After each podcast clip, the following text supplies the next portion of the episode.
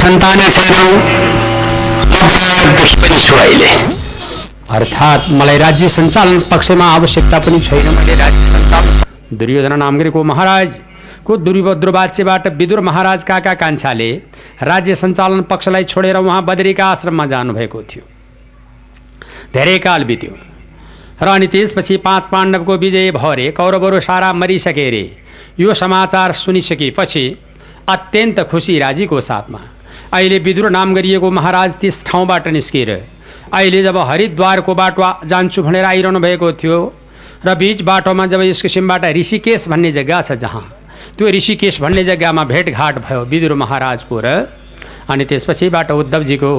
उद्धवलाई भगवान्को भक्त सोध्न लाग्नुभयो विदुरले अब तपाईँ ज्यादै मलिन हुनुहुन्छ तपाईँ साह्रै नै मलिनताले छाएको शरीर छ शरीरमा बेचैनको महसुस छ। तपाईँलाई हाँसेको बोलेको खाएको सुहाएको पनि छैन। तपाईँलाई के भयो? भनेर विदुर महाराजले सोधी बक्सेपछि उद्धव बताउनुहुन्छ राजन। मेरो वर्णन सुन्नुहोस्। माउ तलास्ने बचराहरू सरी बाछो नपाइकन माउजै गरी। प्रेमी प्रवासी कन कामिनी सरी म दर्शनार्थी प्रभुमा छु यो घरि। मेरो अवस्था यस्तो छ अहिले। माउबाट छुट्टिएको बाछो जस्तो। बाछोबाट छुट्टिएर गएको माउ जस्तो। प्रेमी प्रवासी कामिनी पुरुष स्त्रीबाट वियोग भए जस्तो। भगवान्को मठ मन्दिरबाट छुटेर गएको भक्त जस्तो। हो म साह्रै दुखी र ज्यादै कष्टदायक जीवनमा छु। यसैले म माथि क्षमा राख्नुहोस् भन्नुभयो विदुर महाराजलाई उद्धवले। होइन तपाईँ त भगवान् कृष्णको स्वकीय सचिव। यस्तो व्यक्तिले दुःख पाउनु मानेमा के रह्यो? के कारणले दुःख भन्दा हरे भगवान् आज कृष्ण भगवान्को स्वर्गारोहण भयो। त्यसै कारणले म जब ज्यादै दुःखी छु भनिदिनु भयो विदुरलाई उद्धवले। हो पक्का।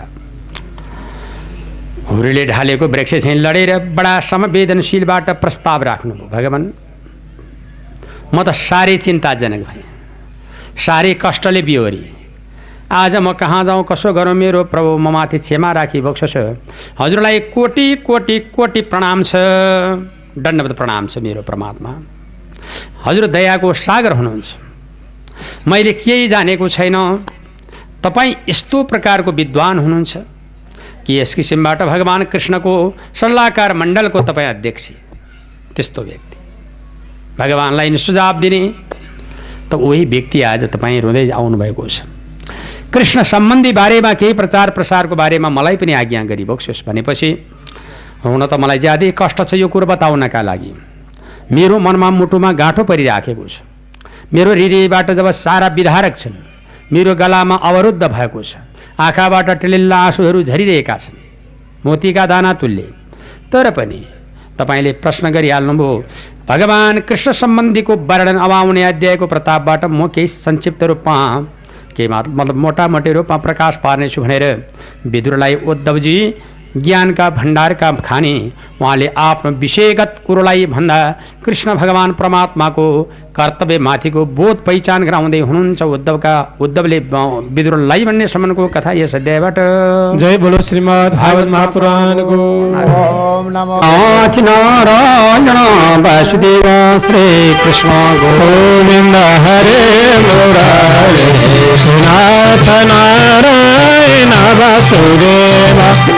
वासुदेवं भज वासुदेवं भज वासुदेवं भज ओ वासुदेवं भज भज वासुदेवं भज वासुदेवं भज वासुदेवं भज वासुदेवं कृष्ण वासुदेवाय हर परमात्मने प्रणते सनासय गोविन्दाय नो नमः महाराज परीक्षितलाई सुखदेव स्वामीबाट आज्ञा भएको छ। सौनकादि ऋषि प्रणालीहरू र यतापट्टिको वर्णनमा विदुर महाराजको र मैत्री ऋषि भने विदुर महाराजको र यता उद्धवको संवाद चलिराखेको छ। विदुर नाम गरिएको राजाले के आज्ञा भयो भने बडो गम्भीर बाणीमा म त भगवान् कृष्णबाट ठगिएँ नि म बडो समस्यामा परेँ। त कृष्ण परमात्माबाट मैले धेरै प्रकारको जब आशावादी थिएँ चाहेको थिएँ। उहाँसँग भेटघाट उहाँसँगको संवाद उहाँले दिनुपर्ने उपदेश मैले ठुलो आशा राखेको थिएँ। र पञ्च पाण्डवहरू सारा सम्पूर्णको विजय अब भयो। मेरो शत्रुको रूपमा चिनिएको दुर्योधन पनि गयो। यो मलाई आशावादी थिए कृष्णबाट। तर आज म बहुत नराम्रोसँग ठगेँ। यसको बारेमा मलाई अब केही तपाईँले सुझाव दिनु पर्यो भनेर सोद्धा उद्धव भन्नुहुन्छ। हेर्नुहोस् महाराज म कहाँ सक्छु? म त सामान्य नागरिक हो। त्यसमा पनि कृष्णको बाहुबलको प्रभावबाट मात्रै उभिएको प्रभुको परम कृपाबाट त्यसमा प्रभुको अहिले जब परम धाम सवारी भइसकेपछि मेरो कोही छैन संसारमा न मेरो माताजी न पिताजी न बन्धु बान्धव र न मेरो सँगसँगैका मेरा साथी छन्। एक सय पच्चिस वर्ष प्रभुको पूर्ण आयुमा एक सय चौध वर्ष प्रभुको पाउको सेवा गर्न सक्ने सेवकको रूपको हैसियतमा म रहेँ तर अन्तमा गएर प्रभुले मलाई विदा नदिकन आफू अन्तिममा ल अब मैले विदा लिन आँटेँ भनेर आज्ञा गरिबक्स्यो। अनि त्यसको प्रभावबाट परेको चोट मरमरमा घाउ भइरहेकै छ। कृपया निदान। अब मसँग यहाँ धेरै लामो प्रश्न गर्दै नगर्नुहोस् भनेपछि सृष्टि सम्बन्धी परमात्माको गाथा कथा के आज्ञा होस् भनेपछि सृष्टि सम्बन्धी वर्णन सुन्नुहोस्। भगवानले सृष्टिमा धेरै प्रकारको महत्वलाई विशेष रूपमा जान्नुभएको छ। अब मन्त्र शक्ति तन्त्र शक्ति यन्त्र शक्तिका विधानले विश्व ब्रह्माण्डको सञ्चालन गर्नुभयो प्रभुले। तर मुलुकको समस्याको समाधान एक तवरबाट प्रभुले गरिबक्सेको छ। एक तवरबाट प्रभुले के गरिबक्सेको छ भनेर भनेदेखि सबै नागरिक समाजले सारा सम्पूर्ण काम कर्तव्यमाथिको बोध र पहिचानले भगवानबाट यस्तो प्रकारको आज्ञा गरिबक्सेको छ कि सत्य धर्म नीति न्याय कानुन यी मर्यादाका पाटाहरू हुन्।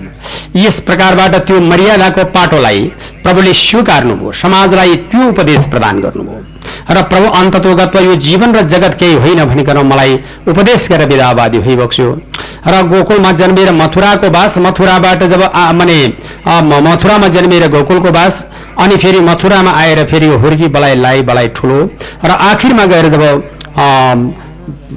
यो द्वारावती धाममा गएर परमात्माको सम्पूर्ण प्रकारको काम कर्तव्य कर्तव्यमाथिको पहिचान पूर्ण भयो। र जीवन जगत अध्ययन गरेर परमात्मा परमधाम जानुभयो।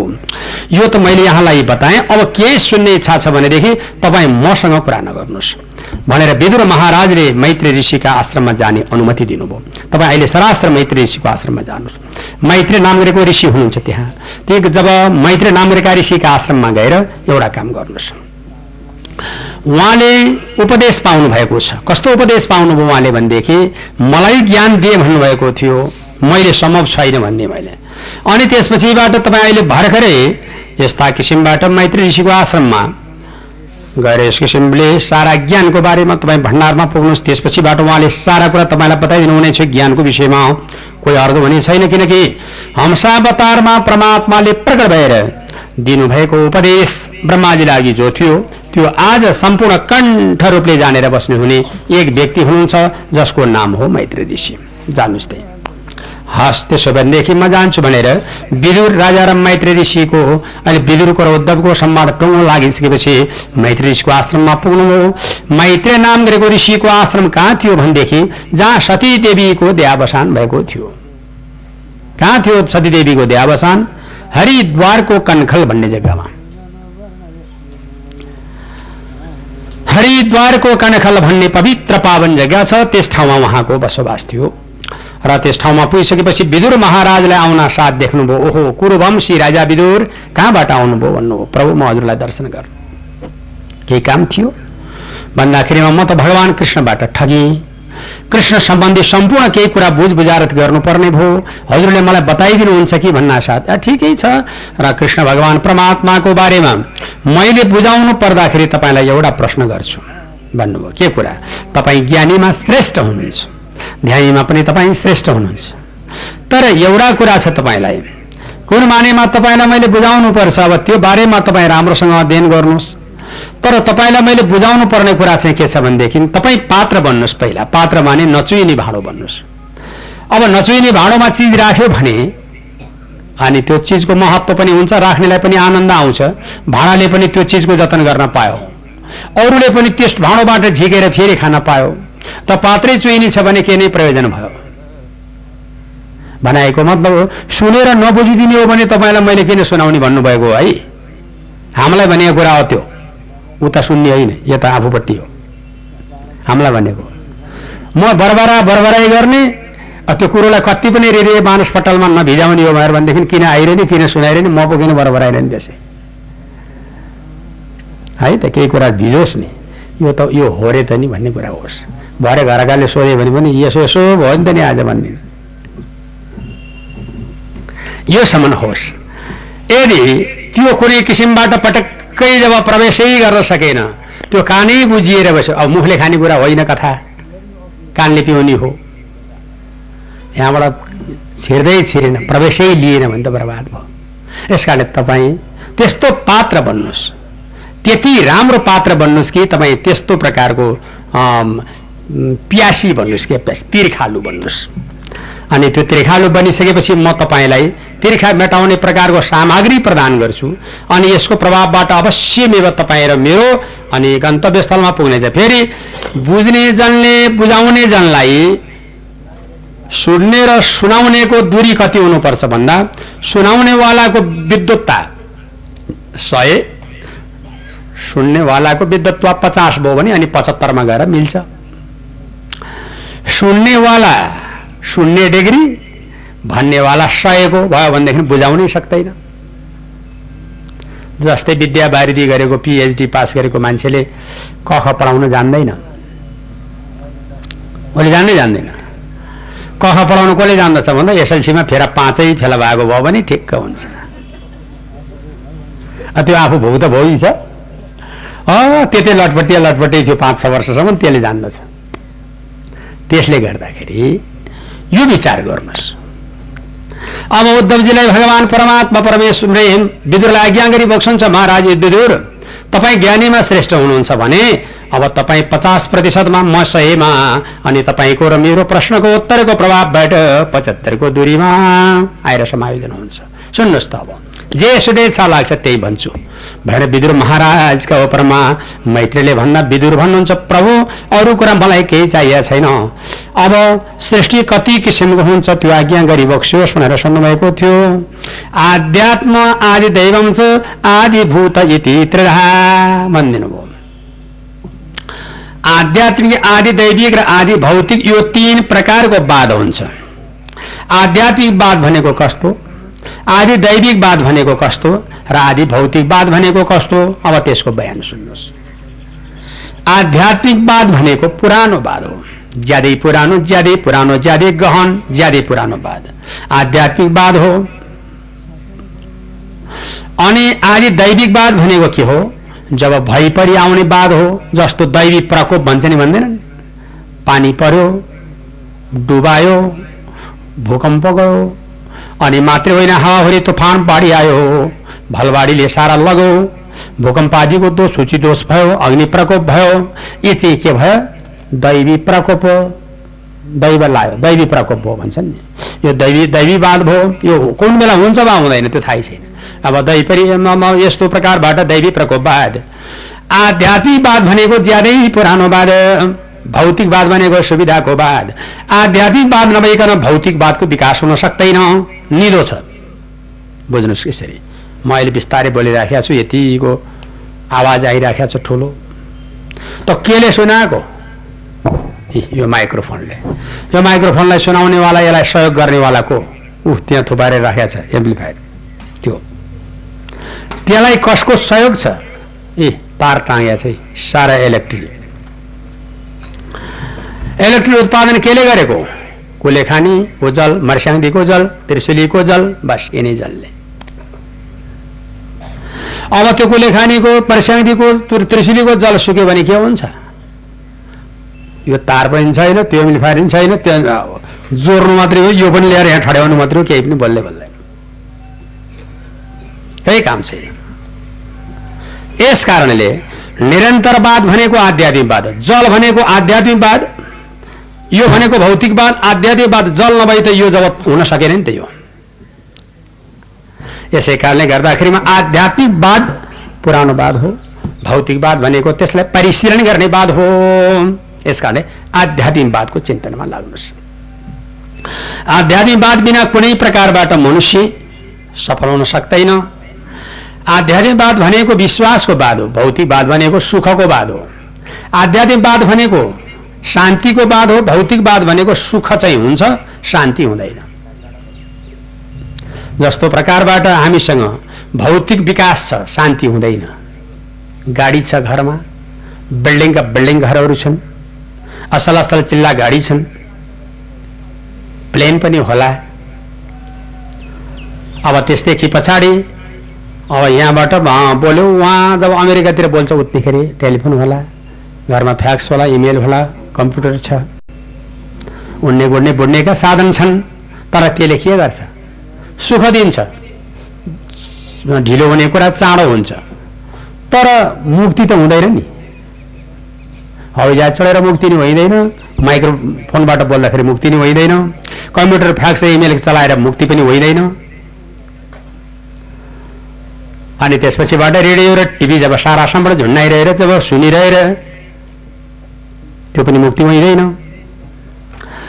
मुक्ति हुनका लागि शान्ति पाउनका लागि आध्यात्मिकवाद सुख पाउनका लागि भौतिकवाद यो जन्मको सुख भौतिकले हुन्छ परजन्मको सुख आध्यात्मिकले हुन्छ। त्यसै कारणबाट आध्यात्मिकवादमा लाग्नुहुन्छ भौतिकवादमा लाग्नुहुन्छ भनेपछि आध्यात्मिकवादै जाति हुन्छ। पेटभरि खान पाइयोस् नपाइए पनि त्यो आध्यात्मिकवादमा त सुख हुन्छ। आनन्द हुन्छ। लिनु नि छैन दिनु नि छैन। तेरो नि छैन मेरो नि छैन। आनन्द भयो भयो कोही भए ठिकै छ नभए यस्तो किसिमबाट यो आध्यात्मिकवाद यस्तो आनन्दको बात छ भौतिकवाद दुःखै दुःख जतिसुकै होस् दुःखको दुःख। जसमा भौतिकता छ त्यसमा दुःख छ। जस्तो तपाईँको घरमा गाडी छ छोरो गाडी लिएर गएको छ। उदाहरणको लागि छ बजे आउँछ भने छोरो दस बजे राति आउँदैन। गाडी नै आउँदैन छोरो नै आउँदैन फोन पनि आउँदैन। अब निन्द्रा लागेला त त्यो घरका बुढाबुढीलाई ल भगवान् यस बेलासम्म पत्तो छैन छोरो नि गाडी पनि गयो कि हामफाले कि? अब चिन्ता पऱ्यो परेन। जसका छोरा नि छैनन् गाडी नि छैन त्यसलाई त पाँचै बजे निदाइदिए नि भइगयो नि। ढोक भयो बन्न बस्त त्यो त दस बजीतिर त अर्को सपना देखिरहेको हुन्छ। बन्न बस्त जोसँग छ त्यसलाई जब ज्यादै दुःख जोसँग छैन त्यसलाई आराम हुन्छ। जगत त यस्तो पो छ त महाराज। जोसँग छ त्यो यति दुखी छ। यहाँ भएकालाई सुखी भने होलाम हामीले छैन। भएकालाई सुख कति हुँदैन। बिल्कुल कहिले हुँदैन सुख हुँदैन। नभएकालाई छैन त्यसलाई जब दुःख पनि भयो त्यसै दुःख भइहाल्यो। जसलाई छैन त्यसलाई खान मन लाग्छ। जसलाई छ त्यसलाई खान हुँदै हुँदैन। जसको चिनी फ्याक्ट्री छ त्यसलाई जब चिनी रोग लागेछ चिनी हालेर चिया खान पाउँदैन। मलाई त सुगर भएर बर्बाद भयो। भनेको छ उहाँ टर्रो चिया पो खाएर बसिएको छ त्यो नहुनेलाई त्यो अर्को चाहिँलाई अब दिनको पाँच फाँका यति यति रुत्यो कहाँ पाउँछ नै छैन। कहाँ पाएर खाओस् त्यो? एउटा छ खानु हुँदैन एउटासँग छैन। खान हुन्छ छँदै छैन। भगवान्ले तुलो राख्नु भएको छ। त्यस कारणबाट तसँग छ। खान पाउँदैनस् तसँग छैन छँदै छैन खानै पाउँदैनस्। लौ जा दुइटैलाई यसरी तराजु राख्नु भएको जसका घरमा चामल ब- ब- का रासका रास छन् थुप्राका थुप्रा त्यसलाई भात खानु हुँदैन। चिया हालाबा खाएर बसिएको छ दसैँ र तिहारमा पनि। त्यो अर्को चाहिँलाई दिनको दुई दुई माना दरले जब छाकेपछि तिन माना दरले रुत्यो अ कहाँ पाउने त्यसलाई? अर्को चाहिँ त्यत्तिकै छ छैन फेरि। यस्तो छ संसार यसमा संसारमा सबभन्दा ठुलो सुख शान्ति र विचार यसले भगवान्ले आज्ञा गर्नुभएको छ आध्यात्मिकवादमा यो तिनै कुराको परिशीलन हुन्छ सुख हुन्छ सन्तोष हुन्छ विचार आउँछ भौतिकवादमा सुख सन्तोष र विचारमा पर्दा लाग्छ केवल कमाउने धमाउने र भौतिक उन्नतिमा लाग्छौँ हामीहरू सब त्यसै कारणले अब हामी जो यो आध्यात्मिकवादमा लागेका जो व्यक्ति छ त्यो व्यक्तिले त्यति ठुलो नोक्सान जे हुँदा नि सोच्दैन त्यति ठुलो फाइदा जे फाइदा हुँदा पनि सोच्दैन। यस्ता कारणले त्यो दुइटै कुरालाई संयमी हुन सक्नुपर्छ विदुर भनेर विदुरलाई आध्यात्मिकवादको परिशीलन पक्षको बारेमा प्रकाश पार्नु भएको छ। अब आध्यात्मिकवादको कुरा त यो भयो। आध्यात्मिक जगत आध्यात्मिक बिना धर्म बिना संसार रहँदैन। धर्मले संसार रहने हो धर्म बिना कुनै प्रकारबाट कोही पनि रहन सक्दैन। देखिया मात्रै कुरा पत्याउने नदेखिया कुरा नपत्याउने हो भन्ने भौतिकवादतिर लाग्ने हो भने आमा र बाउ नपत्याए नि त भयो नि आमा बाबाले गर्भाष्ट दिएको आमालाई त्यो दिन पनि थाहा छैन आमाले आफूलाई जन्माएको दिन पनि थाहा छैन। तेरो बाउ यिनै हुन् तेरी आमा यिनै हुन् भने भएर पतिया न हो।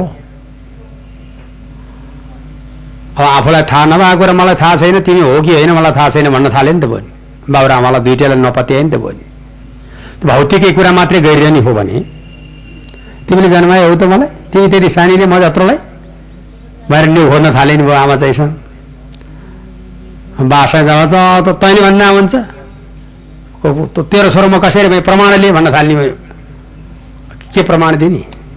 त्यस्ता नचाहिँदा कुरा जो हो त्यो चाहिँ आध्यात्मिकवादभित्र पर्ने कुरा हुन्छ जो किसिमबाट त्यो आध्यात्मिकवादले विश्वास र निश्चयले धेरै काम गर्छ जहाँ विश्वास र निश्चय हुँदैन त्यो काम हुन सक्दैन यही हो धर्म यही हो संस्कृति यही हो कर्तव्य यही हो काम महाराज परीक्षितलाई सुखदेव स्वामीले श्रीमद् भागवतको महत्त्वपूर्ण कथाको वर्णन यथार्थ जानकारी गराए जीवन जगतको भगवत भक्तिमा चित्तवृत्ति परमात्माको महिमा प्रमाण गराउँदै हुनुहुन्छ भन्ने सम्बन्धको कथा हे सद्यबाट जय श्रीमद् महापुराणको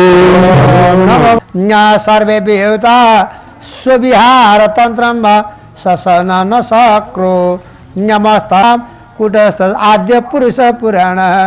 त्वं देव सहिता गुणकर्म यो नैरे रेतस्तो जायां कै मध्यदेज ततो वयं सत्य प्रगाय देर्दम अर्धे यदनुग्रहाणाम्। ओम नमो भगवते वासुदेवाय ऋषिरुवाच इति दासं सुशतेन सदिनामद्वेत्यस प्रसु भगवान् चेष्टारूपेण तं गणम भिन्नं संयोजयामास शुद्धं कर्म प्रबोधयन् प्रबुद्धकर्मा दैवेन चिक्षो बान्योन्य सामाद्य यस्मिन् लोका चरचराः हिरणमय सपुरुष स्वलं सर्गो देवकर्म सुशक्तिनाम विवाहवचनात्मात्मानुम ये कदा सादृशा ये स ये से सत्तानाम आत्मा संस्वनमत्परात्मनम् आद्योवतारो यत्रासौ भूतग्रामो व्याव्यते साध्यत्वादेव साधिदैव साधिभूतमिति हृदयेन च विज्ञापित विराजपदवत्तेन श्रोता महानुभावहरू अहिले भर्खरै प्राप्त समाचार अनुसार। नेपाल अहिंसावादी मञ्चका अध्यक्ष। अर्थात् जसले यो श्रीमद् भागवत सप्ताह महायज्ञको लागि प्रस्तावक। आजभन्दा छ महिना अगाडि स्वर्गवासी राजा वीरेन्द्र स्वर्गवासी बडा महारानी ऐश्वर्यका नाममा र राज परिवारको दुःखद घटनालाई हृदयङ्गम गर्दै शोक सन्तप्त देशवासीका लागि तृतीय पुण्यतिथिमा श्रीमद् भागवत सप्ताहको लागि प्रस्ताव राखेर हामीसँग पटक पटक हाम्रा प्रतिमा प्रस्ताव राख्नुहुने।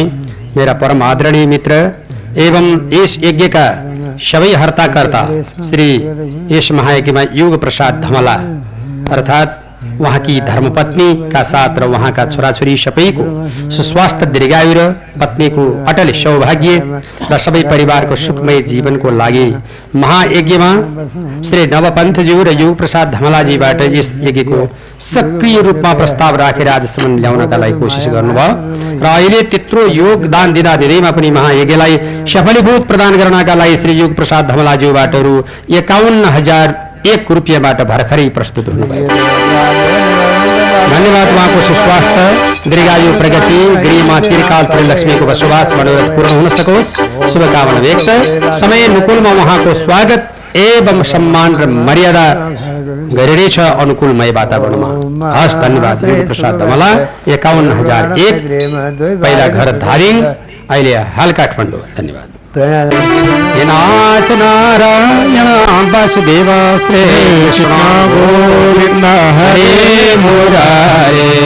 नाथ नारायण वासुदेव। वासुदेवं भज। वासुदेवं भज। वासुदेवं भज। ॐ वासुदेवं भज। भज वासुदेवं भज वासुदेवं भज वासुदेवं भज वासुदेवं कृष्ण वासुदेवाय हर परमात्मनाय गोविन्दाय नमः सुन्नुभयो सौनकादि ऋषि प्रणाली श्रीमद् भागवत महापुराणको अहिले कति कथाको वर्णन विस्तार गरिन्छ भने सङ्कितमान महाराज परीक्षितका हजुरमा। सुखदेव स्वामीले श्रीमद् भागवतको महत्त्वपूर्ण कथालाई प्रस्तुत गर्नुभएको छ। र यसै सन्दर्भमा एउटा वर्णन सुन्नुहोस्। अब यो सृष्टिको सम्बन्धीको वर्णन बताउँछु। अब सृष्टि सम्बन्धीको वर्णनको लागि सृष्टि बा आमाको समायोजनबाट छोरा छोरी जन्मिए। यो त कोही भन्न गाह्रै छैन। किरा फटाइरहेकोबाट हात्तीसम्म मानवबाटबाट देवतासम्म मैथुनी सृष्टि यो थाहा भएकै कुरा हो। तर यो आकाश तेज जलवायु पृथ्वी पञ्चमहाभूत कहाँबाट सृष्टि भयो? अब यो कुरा सुन्नुहोस्। आकाश तेज जलवायु पृथ्वीबाट संसारको सृष्टि हुन्छ। आकाश तेज जलवायु र पृथ्वी यो कसरी सृष्टि भयो भन्ने बारेमा सोधिएका प्रश्नमा। अब सुन्नुहोस्। यो पहिला यो पञ्चमावतबाट बनेको शरीर हो। यो संसार पहिला शून्य थियो। केही जातै थिएन। शून्यलाई के भन्छ? शून्यलाई के भनिन्छ? ज्योतिषमा व्याकरणमा पनि शून्यलाई ख भन्छ। ख माने आकाश क्या। ख भनेको आकाश। आकाशलाई कति कतिवटा आकाश भन्ने? यहाँ यहाँ नि एउटा आकाश त्यहाँ नि एउटा आकाश त हुँदैन नि। आकाश भनेको केही नभएको र गणना हुँदै नहुने त्यसलाई ख भनिन्छ आकाश भनिन्छ। आकाश शून्य हो। शून्य भनेको ख हो। यस कारणबाट यसबाट संसार शून्यमा रह्यो। अब शून्यमा भएको पृथ्वी भयो है त। यो केही छैन यो शून्यमा पृथ्वी छ। यो विश्वब्रह्माण्ड सारा शून्य।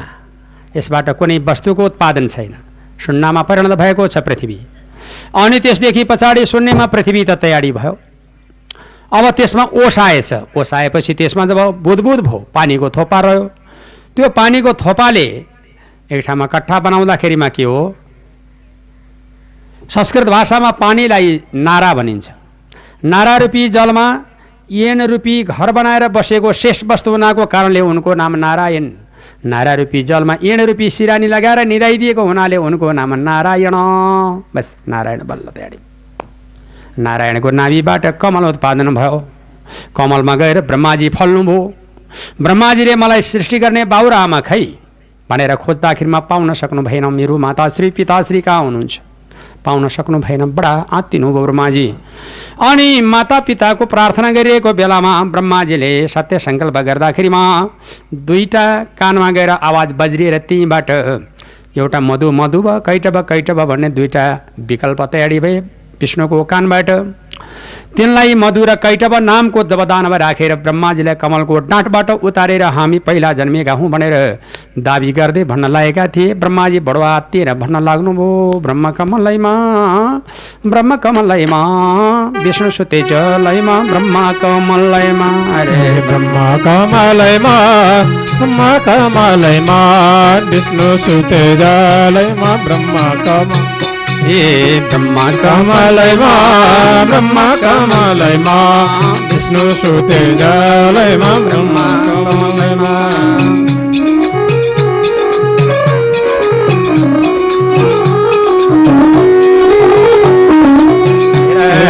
ब्रह्मा कमलैमा ब्रह्मा कमलैमा विष्णु सुते जालैमा ब्रह्मा कमलैमा ब्रह्म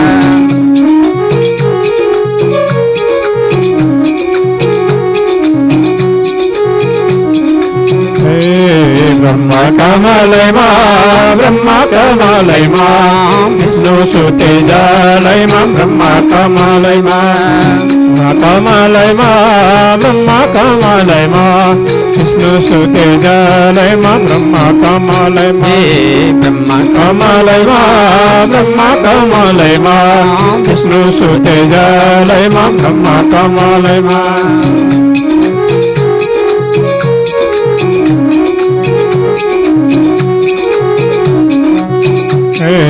ब्रह्म कमलैमा ब्रह्म कमलैमा विष्णु सुते जालैमा ब्रह्म कमलैमा कमलैमा ब्रह्म कमलैमा विष्णु सुते जालैमा ब्रह्म कमलैमा कमलैमा ब्रह्म कमलैमा विष्णु सुते जलैमा ब्रह्म कमलैमा हे ब्रह्म कमलैमा ब्रह्म कमलैमा विष्णु सुते जलैमा ब्रह्मा कमलैमा ब्रह्मा कमलैमा ब्रह्मा कमलैमा विष्णु सुते जलैमा ब्रह्मा कमलैमा हेरा विष्णु सुते जलैमा ब्रह्मा कमलैमा हरे विष्णु सुते जलैमा ब्रह्मा कमलैमा ब्रह्मा कमलमा विष्णु जलमा सौनकादि ऋषिका प्रतिमा पौराणी सुतले नैमिसारण्य क्षेत्रमा आज्ञा गर्नुभएको छ ब्रह्माजी कमलमा विष्णु जलमा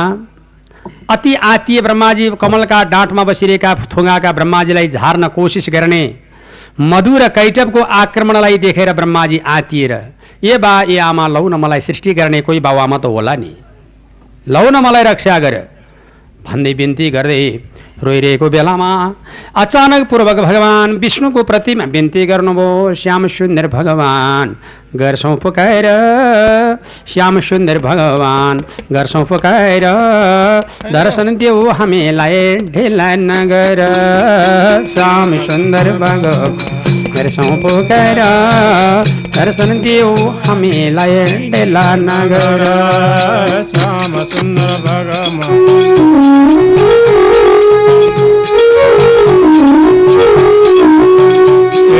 श्याम सुन्दर भगवान दर्शन देऊ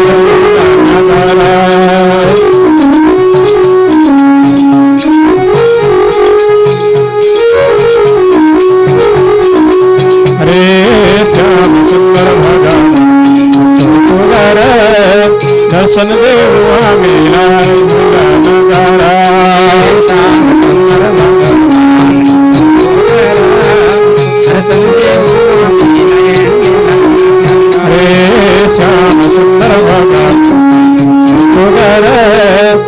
दर्शन देऊ हामीलाई नगरा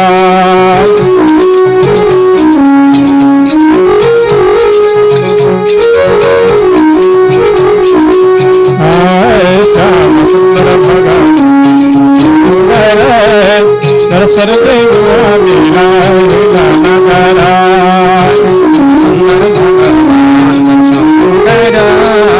दर्शन देऊ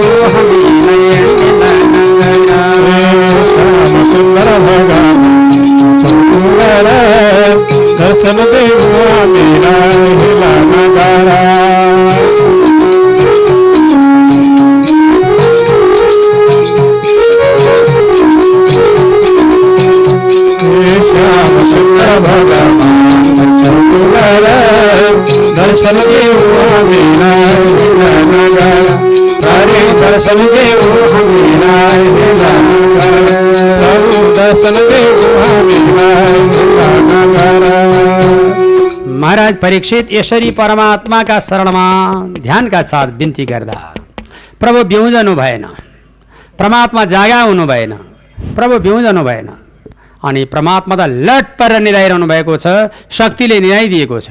संसारमा अब निद्रा महान हो। त्यो निधाउनेवाला ठुलो हुन्छ कि निधाइदिनेवाला ठुलो हुन्छ? को ठुलो हुन्छ? जो निधाइदिन्छ त्यो ठुलो हुन्छ कि निधाउनेवाला ठुलो हुन्छ? भन्दा निधाइदिनेवाला नै ठुलो हुन्छ होइन? निन्द्राले त जब पहलवानलाई हात्तीलाई पनि लट्ठै पारिदिन्छ। त्यस कारणले विष्णुलाई भन्दा भगवतीलाई प्रार्थना गर्न पाए तैपनि निधाइदिनेवालाले निधाउनेवालालाई उठाइदिन्छ नि कि? उनी भगवतीको प्रार्थना गर्नु पर्यो संसारमा शक्ति बिना त केही पनि हुँदैन नि। शक्ति नै हो संसारमा सब नारीकै चलन खटन छ जहाँ तहाँ यसै कारणले शक्तिको उपासना गरौँ भनेर अनि भगवतीको बिन्ती गर्नुभयो ब्रह्माजी। भन्नुहुन्छ मलाई साह्रै आपत पर्यो यो आपतबाट विमोचन गरिदिए बक्सनु पर्यो भन्दै बिन्ती गर्न लाग्नुभयो अरे मणिदीप भाषिनी दुर्गा भवानी मणिदीप भाषिनी दुर्गा भवानी नमाने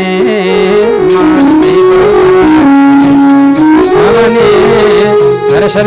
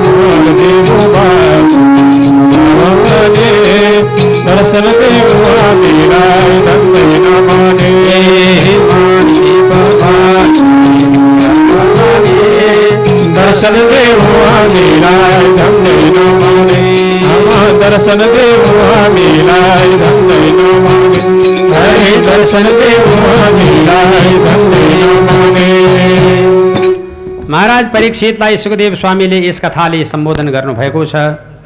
अब बाँकी अंशका लागि तपाईँ के सुन्न चाहनुहुन्छ सरकार? भनेर सोधिएको खण्डमा हस् मेरो प्रभु। हजुरका मुखार बिन्दबाट अब यसरी मैले श्रवण गर्दै गर्दै गर्दै गर्दै आएँ। विशेष रूपबाट ब्रह्माजीले विष्णु भगवानको चरणमा ध्यान गर्नुभएको छ विष्णु निधाउनु भएको छ साक्षात् जगजननीले निन्द्रामा पारिदिनु भएको छ। ब्रह्माजी कमलको फुलमा हुनुहुन्छ मधुर कैटवले उनलाई जब म कमलको फुलबाट गिराउने कोसिस गरिरहेको बेलामा ए बाबा हुँदैन। हुँदैन हुँदैन हुँदैन कुनै हालतमा मेरो रक्षा गर भन्दै हुनुहुन्थ्यो। अनि भगवान् प्रभुले यो कुरा नबुझिदिएको खण्डमा ब्रह्माजीको ज्यान जान्छ भनेर साक्षात् जगत जननीले विष्णुलाई बिउ जब भ्युजाइदिनु भयो उठ्नु पर्यो भनेर। जम्मा दुईवटा शक्ति हुन्छ। भगवतीसँग एउटा आवरण एउटा विक्षेप। आवरण माने पर्दा विक्षेप माने खोल्नु निराइदिनु र भ्युजाइदिनु भ्युजाइदिनु भयो अनि भ्युजाइदिई बक्सेपछि यसो आवाज सुने त ब्रह्माजी आत्तिएर लौ मेरो प्रभु मेरो ज्यान गयो लौ न लौ न लौ न भनेर रोइरहेको छन् ए त्यहाँबाट भगवान् पाल्नुभयो र भन्नुभयो ब्रह्मा यता हो तिमी। भनेर बोलाइ बक्स्यो अनि मधुर कैटब आए। तिमीहरू को हो भन्दा मधुर कैटब भने "अँ, कहाँबाट जन्मिएको? हामीलाई थाहा छ तँलाई के चाहियो? भन्छन् विष्णुलाई। जसा कानेबुजीबाट उनीहरू जन्मिएछन्। यो बाहुनलाई किन तिमीहरूले जब खैला बैला पार्छौ हँ मधु यो ब्रह्माजीलाई भन्दा यो विकल्प हामी सङ्कल्प भने होइन बाबा। उसले सङ्कल्प गरेपछि मेरो कानमा आवाज आयो आवाजबाट तिमीहरू जन्मियौ। तिमीहरू विकल्प उनीहरू सङ्कल्प। भन्दा तैँले भन्दा हुन्छ त कोष भनेर जाइ लाग्छन् ल विष्णुलाई ल आइजन् त लडौँ अनि लडाइँ सुरु भयो लड्दा लड्दा लड्दा लड्दा लड्दा कति वर्ष लड्नुभयो विष्णुको र मधुकैटपको भन्दाखेरिमा पञ्च वर्ष सहस्राणी बाहु प्ररणो बिहु भनेर पढ्या हो कि होइन पहिला पहिला चण्डीमा हो बिर्सी के सम्झन्थ्यो अहिले मान्छेले पाँच हजार वर्षसम्म जलमा युद्ध भयो पाँच हजार वर्षसम्मको जलमा युद्ध भइसकेपछि ल विष्णु भन्नुहुन्छ अब ठाकियो सुतौँ बसौँ एकछिन ब अब यसै कारणबाट आराम गरौँ बसौँ भन्नुभएको थियो। उसो भएदेखि ल अब ल बसिया बेलामा एउटा कुरा गरिहालौँ भन्नुभयो विष्णु भगवान्ले। के कुरा? भन्दाखेरिमा ल मबाट तिमीहरू वरदान माग भन्नुभयो। अ तँ हार्ने हामी जित्ने के छ? तँसँग वरदान माग नि भने मधुर कैटवले चारजनादेखि पाँचजना विश्वमा छैन। एउटा बाहुनको छोरो कमलको फुलबाट ओर्लिँदै ओर्लिएन त्यहाँसम्म सुरुको जात्रा चाहिँ बाहुन। अ तँ हामीसँग हारिहालिस् अ तँसँग के छ र माग्ने? हामीले हामी हुनेसँग माग्न? भने ए उसो भएदेखि तिमीहरूसम्म माग्छु। बाछा बाँध। ल जे मागेन दिने। उसो भए मेरो हातबाट तिमीहरू दुईजनालाई मार्न पाऊँ।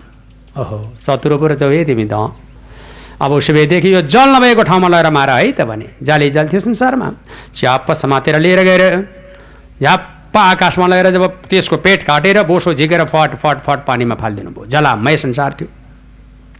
जलमा बोसो फालिसकेपछि के हुन्छ? पानी माथिको अ, बोसो जम्दै जम्दै त्यसको पाप्रा जम्दै गयो। बिस्तार हुँदै गयो तुसारो जम्दै अझै जम्दै जम्दै गइसकेपछि अनि त्यसै भागलाई पृथ्वीको निश्चय गरियो। अब कसरी त? जल नारा भयो पानीमाथि जमिएको बोसो। बोसोलाई संस्कृत भाषामा मेदा भनिन्छ। पानीमाथि पाप्रो लागेको हुनाले त्यो पृथ्वीको नाम हो मेदिनी।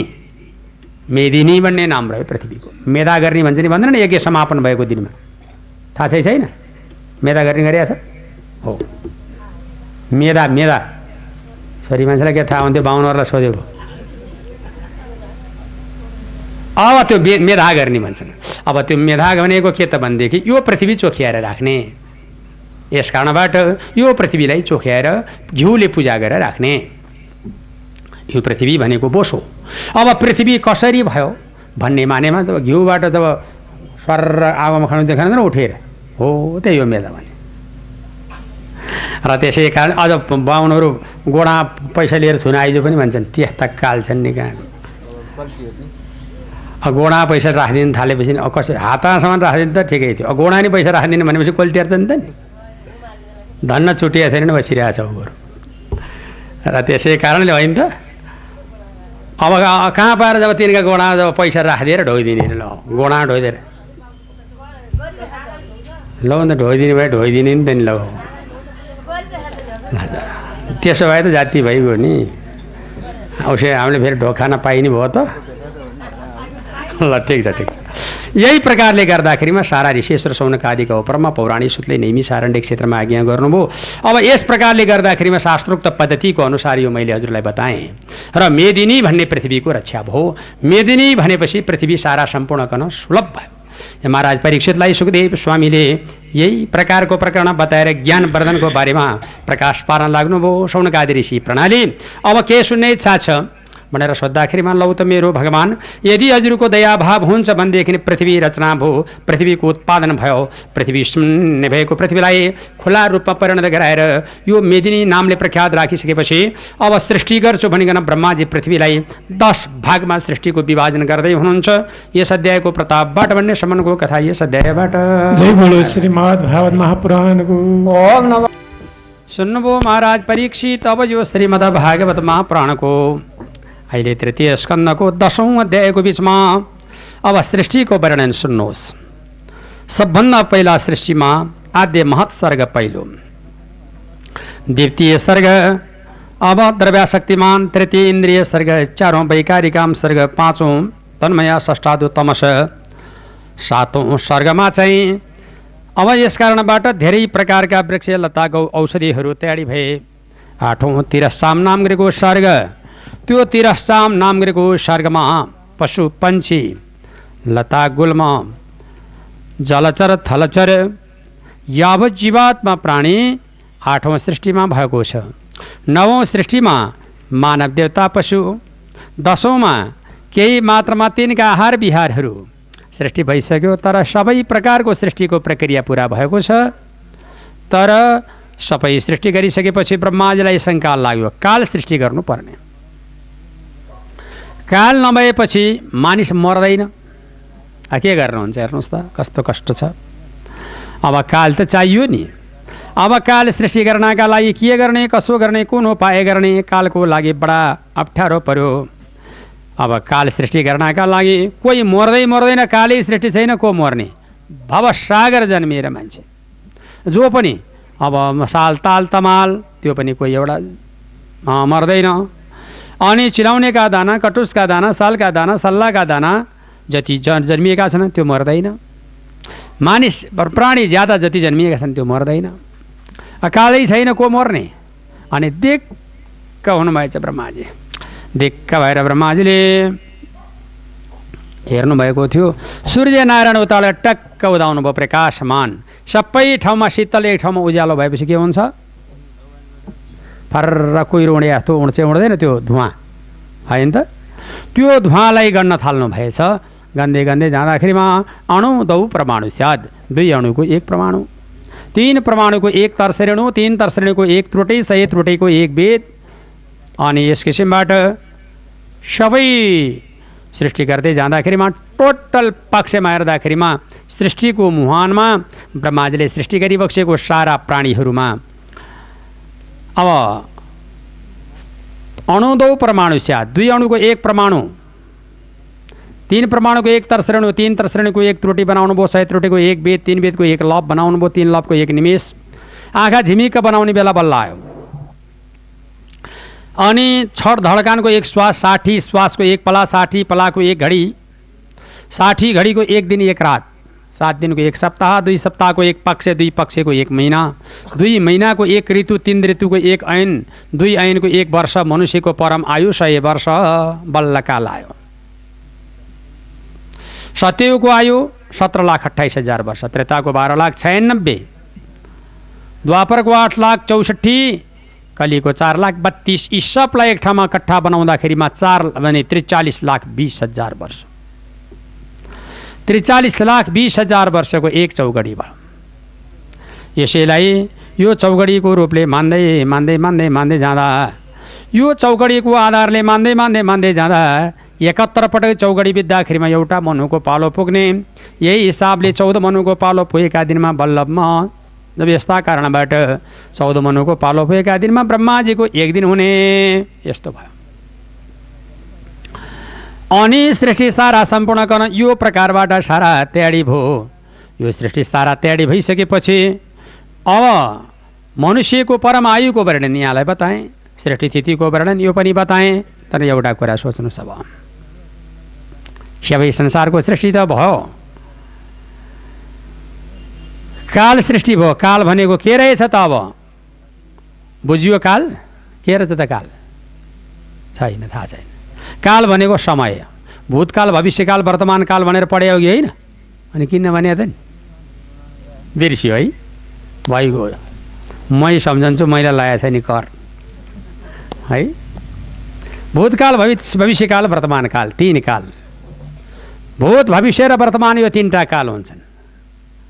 यो भूत भविष्य र वर्तमान यो तिन कालका प्रभावबाट कि हिजो मर्ने कि भोलि मर्ने कि आज मर्ने। बस मर्न त मर्ने। काल। अब भन्नुहुन्छ नि यहाँहरू भेट भयो बेला। आजकाल कहाँ गएको थियौ धेरैभरि भेट्न भयो अघि होइन?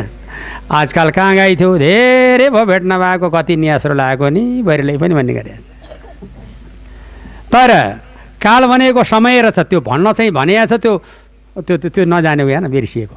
काल भनेको समय हो समयको प्रभावबाट धन्दा गर्नु समय बलवान छ। समयभन्दा बलवान अर्को हुन सक्दैन। समयको प्रभावबाट धन्दा गर्नु। मर्ने बेला धर्म गर्छु भनेर पर्खिएर नराख्नु। मर्ने बेला धर्म गर्छु भनिकन भन्ने दुर्मति र घर आगो लगाइसकेपछि कुवा खन्न जाने दुर्मतिको शून्य डिग्री एक नम्बर नै आउँदैन। मर्ने बेला धर्म गर्छु ल अब छोराले गर्दैन किन गर्ने छोराले? आफ्नो बाबुलाई आफूले कति गरियो र गर्ने छोराले? यसै कारणबाट यो विश्व ब्रह्माण्ड यस्तो हो महाराज। कालका प्रभावबाट धन्दा गर्नु काल भनेको बलवान काल भनेको समय समयलाई याद राखेर काम गर्नु आज हिजोको दिन जस्तो आज नै आज जस्तो भोलि नै यही संसार यस्तो हो भनिकन राजा परीक्षितका प्रतिमा आज्ञा गर्नुभयो बाहिर देख्ने आँखालाई छेक्यो जालले बाहिर देख्ने आँखालाई छेक्यो जालले जान्न जान्न बाहिर देख्ने आँखालाई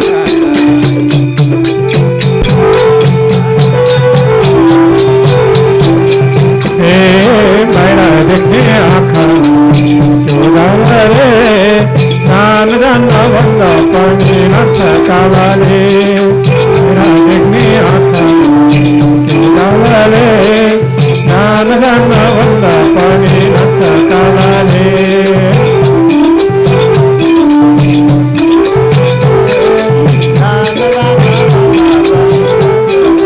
रे बाहिर देख्ने आँखालाई गालाले जान जान भन्दा पहिला छ कालाले बाहिर देख्ने त्यो गालाले जान जान भन्दा पनि लाग्छ कालाले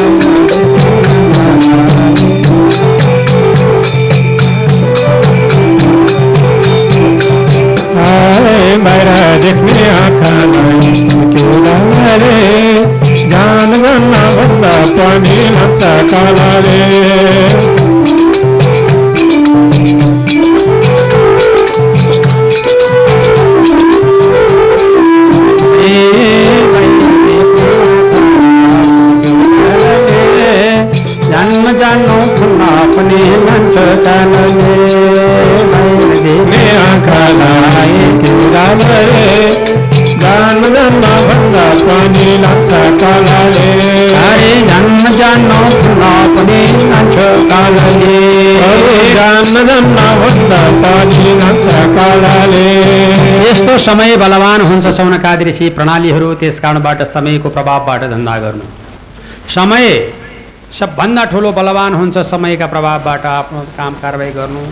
समयभन्दा बलवान कोही हुन सक्दैन यसरी नै राजा परीक्षितलाई सुखदेव स्वामीले बडा प्रेमपूर्वक समयको प्रभावमा आज्ञा गरिबक्छु यो समय बलवान भएको कारणले बलवान समयको जब सधैँ सदुपयोग गर्नु पर्ला है सौनकादिका परमा पौराणिक सुतले नैमिसारण्य क्षेत्रमा आज्ञा गरिबक्सेपछि अब यो त भो सारा कालको वर्णन समयको वर्णन। समय भनेको काल रहेछ काल भनेको समय। यो त बुझिहाल्नुभयो समय भनेको काल काल भनेको समय। अब अर्को प्रश्न आयो। समय त अब काल काल समय रहेछ होइन त? भूतकाल भविष्यकाल वर्तमान काल यो त बुझियो नि। अब यो संसारको सृष्टि के भयो होला पहिला। यो त बडो गाह्रो छ नि।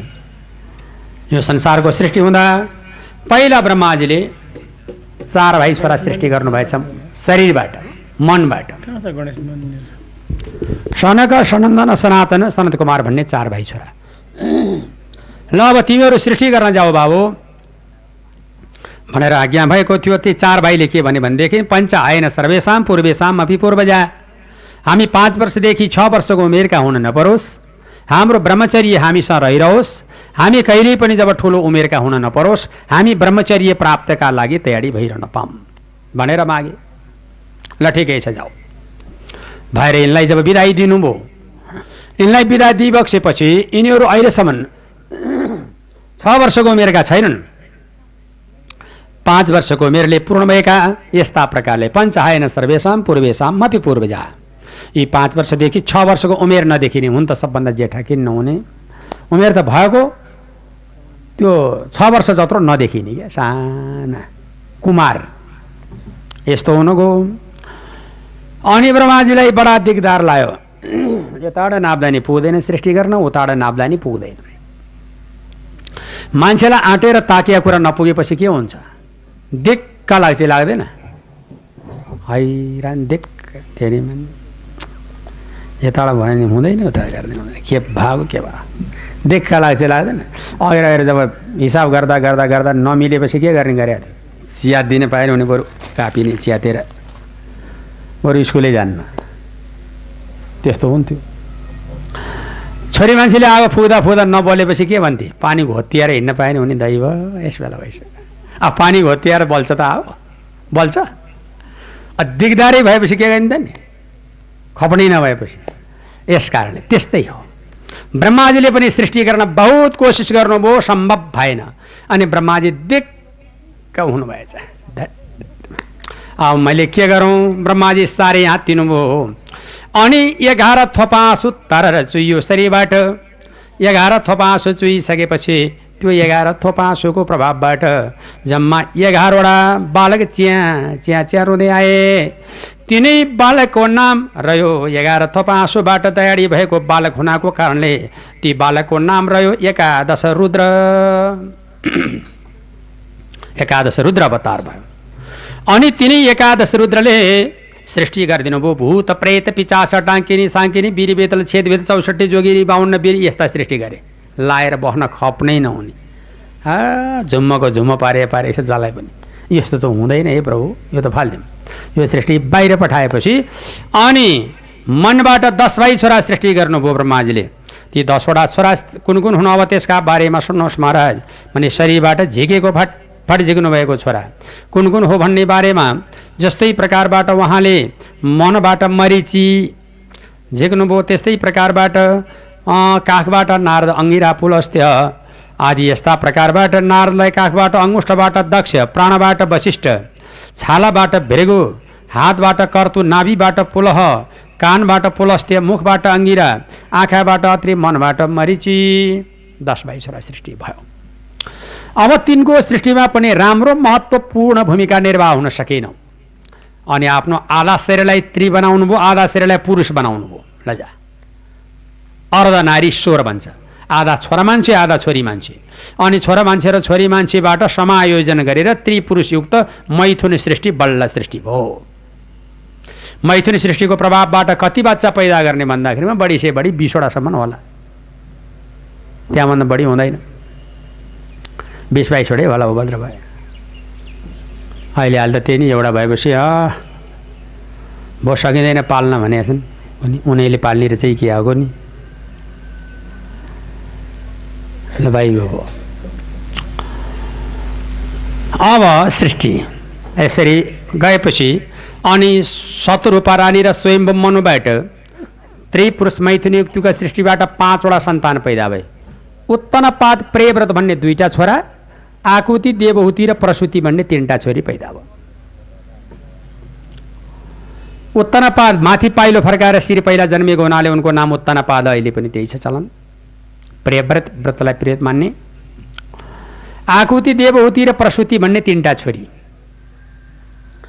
अब तिनवटा छोरी दुई भाइ छोरा पैदा भएको हुनाले विश्वको अहिले तथ्याङ्क हेर्दा छ अरबभन्दा पनि मान्छे बढी हुन लागिसक्यो। तिन प्रतिशत छोरी मान्छे दुई प्रतिशत छोरा मान्छे छन्। ईश्वरको सृष्टि यस्तो छ। तिन प्रतिशत छोरी मान्छे दुई प्रतिशत प्रतिशत छोरा मान्छे। अझै छोरी मान्छे बढ्ने धेरै सम्भावना छ नेपालको रीतिथिति अनुसार। छोरो चाहिँ एउटा पाउन साथ बाबुआमा नै जान्छन् कता गयो भयो अब नपाउने भन्दै। छोरी चाहिँ नौवटा पाएपछि दसवटा पालिया छोरो जन्मिन्छ भनेका छन् बसिया छन् पर्खिया छन् पर्खिया छन् यस्तो भएपछि अब के भयो? सन्तान छोरी मान्छेको सन्तान बढिरहने भयो। हाम्रा खलक चाहिँ मासेला भन्न डर भइसक्यो है? जेता होला यसरी सृष्टिको प्रकरण भयो यो सारा सृष्टिको पाख्यान यहाँलाई मैले प्रस्तुत गरेँ तिन भाइ छो भने दुई भाइ छोरा तिन बहिनी छोरी आकुति देवहुति र प्रसुति तिनवटा छोरी उत्तनपाद प्रेव्रत भन्ने दुई भाइ छोरा यसरी संसारिक व्यवहार सारा सृष्टि गरेर अनि स्वयम्बुवादी गरेका मनुका प्रभावबाट मैथुन सृष्टिको प्रकरणले संसार सारा ढपक्कै ढाक्यो अहिले उनीका सन्तान तपाईँ हामी पूर्ण रूपले आज आश्रित छौँ भनेर सौनकादिलाई पौराणिक सूत्रले यथार्थ बताउँदै हुनुहुन्छ भन्ने सम्मानको कथा यस अध्यायबाट। जय बोलो श्रीमद् भागवत महापुराणको। नेपाल अहिंसावादी मञ्च र श्री पाँच ऐश्वर्य स्वास्थ्योपचार केन्द्रको तर्फबाट आयोजना गरिएको बहुआयाम आयामिक समाजको हितको लागि सञ्चालित श्रीमद् भागवत महायज्ञमा सहयोग गर्दै हुनुहुन्छ श्री कमला शर्मा। बाँसबारी काठमाडौँबाट एकाउन्न हजार एक रुपियाँबाट भर्खरै प्रस्तुत हुनुभएको छ। धन्यवाद उहाँको सुस्वास्थ्य दीर्घायु। प्रगति गृहमा चिरकालतिर लक्ष्मीको बसोबास मनोरथ पूर्ण हुन सकोस् शुभकामना व्यक्त गर्दछु। उहाँलाई उपयुक्त समयमा ससम्मान मर्यादा र वरीकरणको सम्मानले उहाँको मर्यादा गरिनेछ। हस् धन्यवाद। कमला शर्मा बाँसबारी। एकाउन्न हजार एक। जय जय होस् उहाँलाई। सम्मानले उहाँको मर्यादा गरिनेछ। हस् धन्यवाद। कमला शर्मा बाँसबारी। एक उहाँलाई उपयुक्त समय कृष्ण गोविन्द हरे मुरारे नाथ नारायण, वासुदेव श्री कृष्ण। गोविन्द हरे मुरारे श्रीनाथ नारायण, वासुदेव, वासुदेवं भज वासुदेवं भज वासुदेवं भज ॐ वासुदेवं भज भज वासुदेवं। भज वासुदेवं भज वासुदेवं भज वासुदेव कृष्ण वासुदेवाय हर परमात्मने हर कृष्ण गोविन्दाय नमो नमः अब श्रीमद् भागवत महापुराण अन्तर्गत दशम भने तृतीय स्कन्द सौनकादिलाई पौराणी सुतले बताउनुभयो। ह सौनकादि ऋषि प्रणाली यसै प्रसङ्गको बिचमा यहाँलाई कथाबाट हामीले जो सम्बोधन गरिरहेका छौँ। अब यसैबाट यहाँ ज्ञानी ध्यानी र सर्वोत् सर्वोत्कृष्ट व्यक्तिहरूले यो पृथ्वीको सृष्टि जुन प्रकारबाट भएको छ यो सृष्टिको वर्णन सारा सम्पूर्ण यहाँलाई म बताउँछु सुन्नु यो सृष्टि कस्तो किसिमले भयो भन्ने बारेमा लयो। यतिको ठुलो पृथ्वी के गरी लयो? कसले लान सक्यो? यो पृथ्वी लान सक्ने बहादुरको त्यसको कर्तव्य के हो? काम के हो? र यसको नीति रीति र थिति नीति के हो? प्रभु यो सारा सुन्न पा यो पृथ्वी लान सक्ने बहादुरको त्यसको कर्तव्य के हो? काम के हो? र यसको नीति रीति र थिति नीति के हो? प्रभु यो सारा सुन्न पाम भनेर सोद्धा। मेरो महाराज यो पृथ्वी लानेवाला को थियो कसले ल्यायो? कसले यो पृथ्वीलाई ल्यायो? यो पृथ्वी ल्याउनेवाला र लानेवाला यसको बयान सारा सम्पूर्ण गर्न सुन्न पाऊँ भनेर सोद्धा यो पृथ्वी लानेवालाको बयान सुन्नुहोस्। अब यो कथा पृथ्वी लानेवालाले लैराखेको छ ल्याएको छैन। तर यो पृथ्वी लानेर ल्याउनेको बयान भन्दा पहिला छुट्टै एउटा नीति छ। एक दिन ब्रह्मसत्रको दीक्षान्त समाज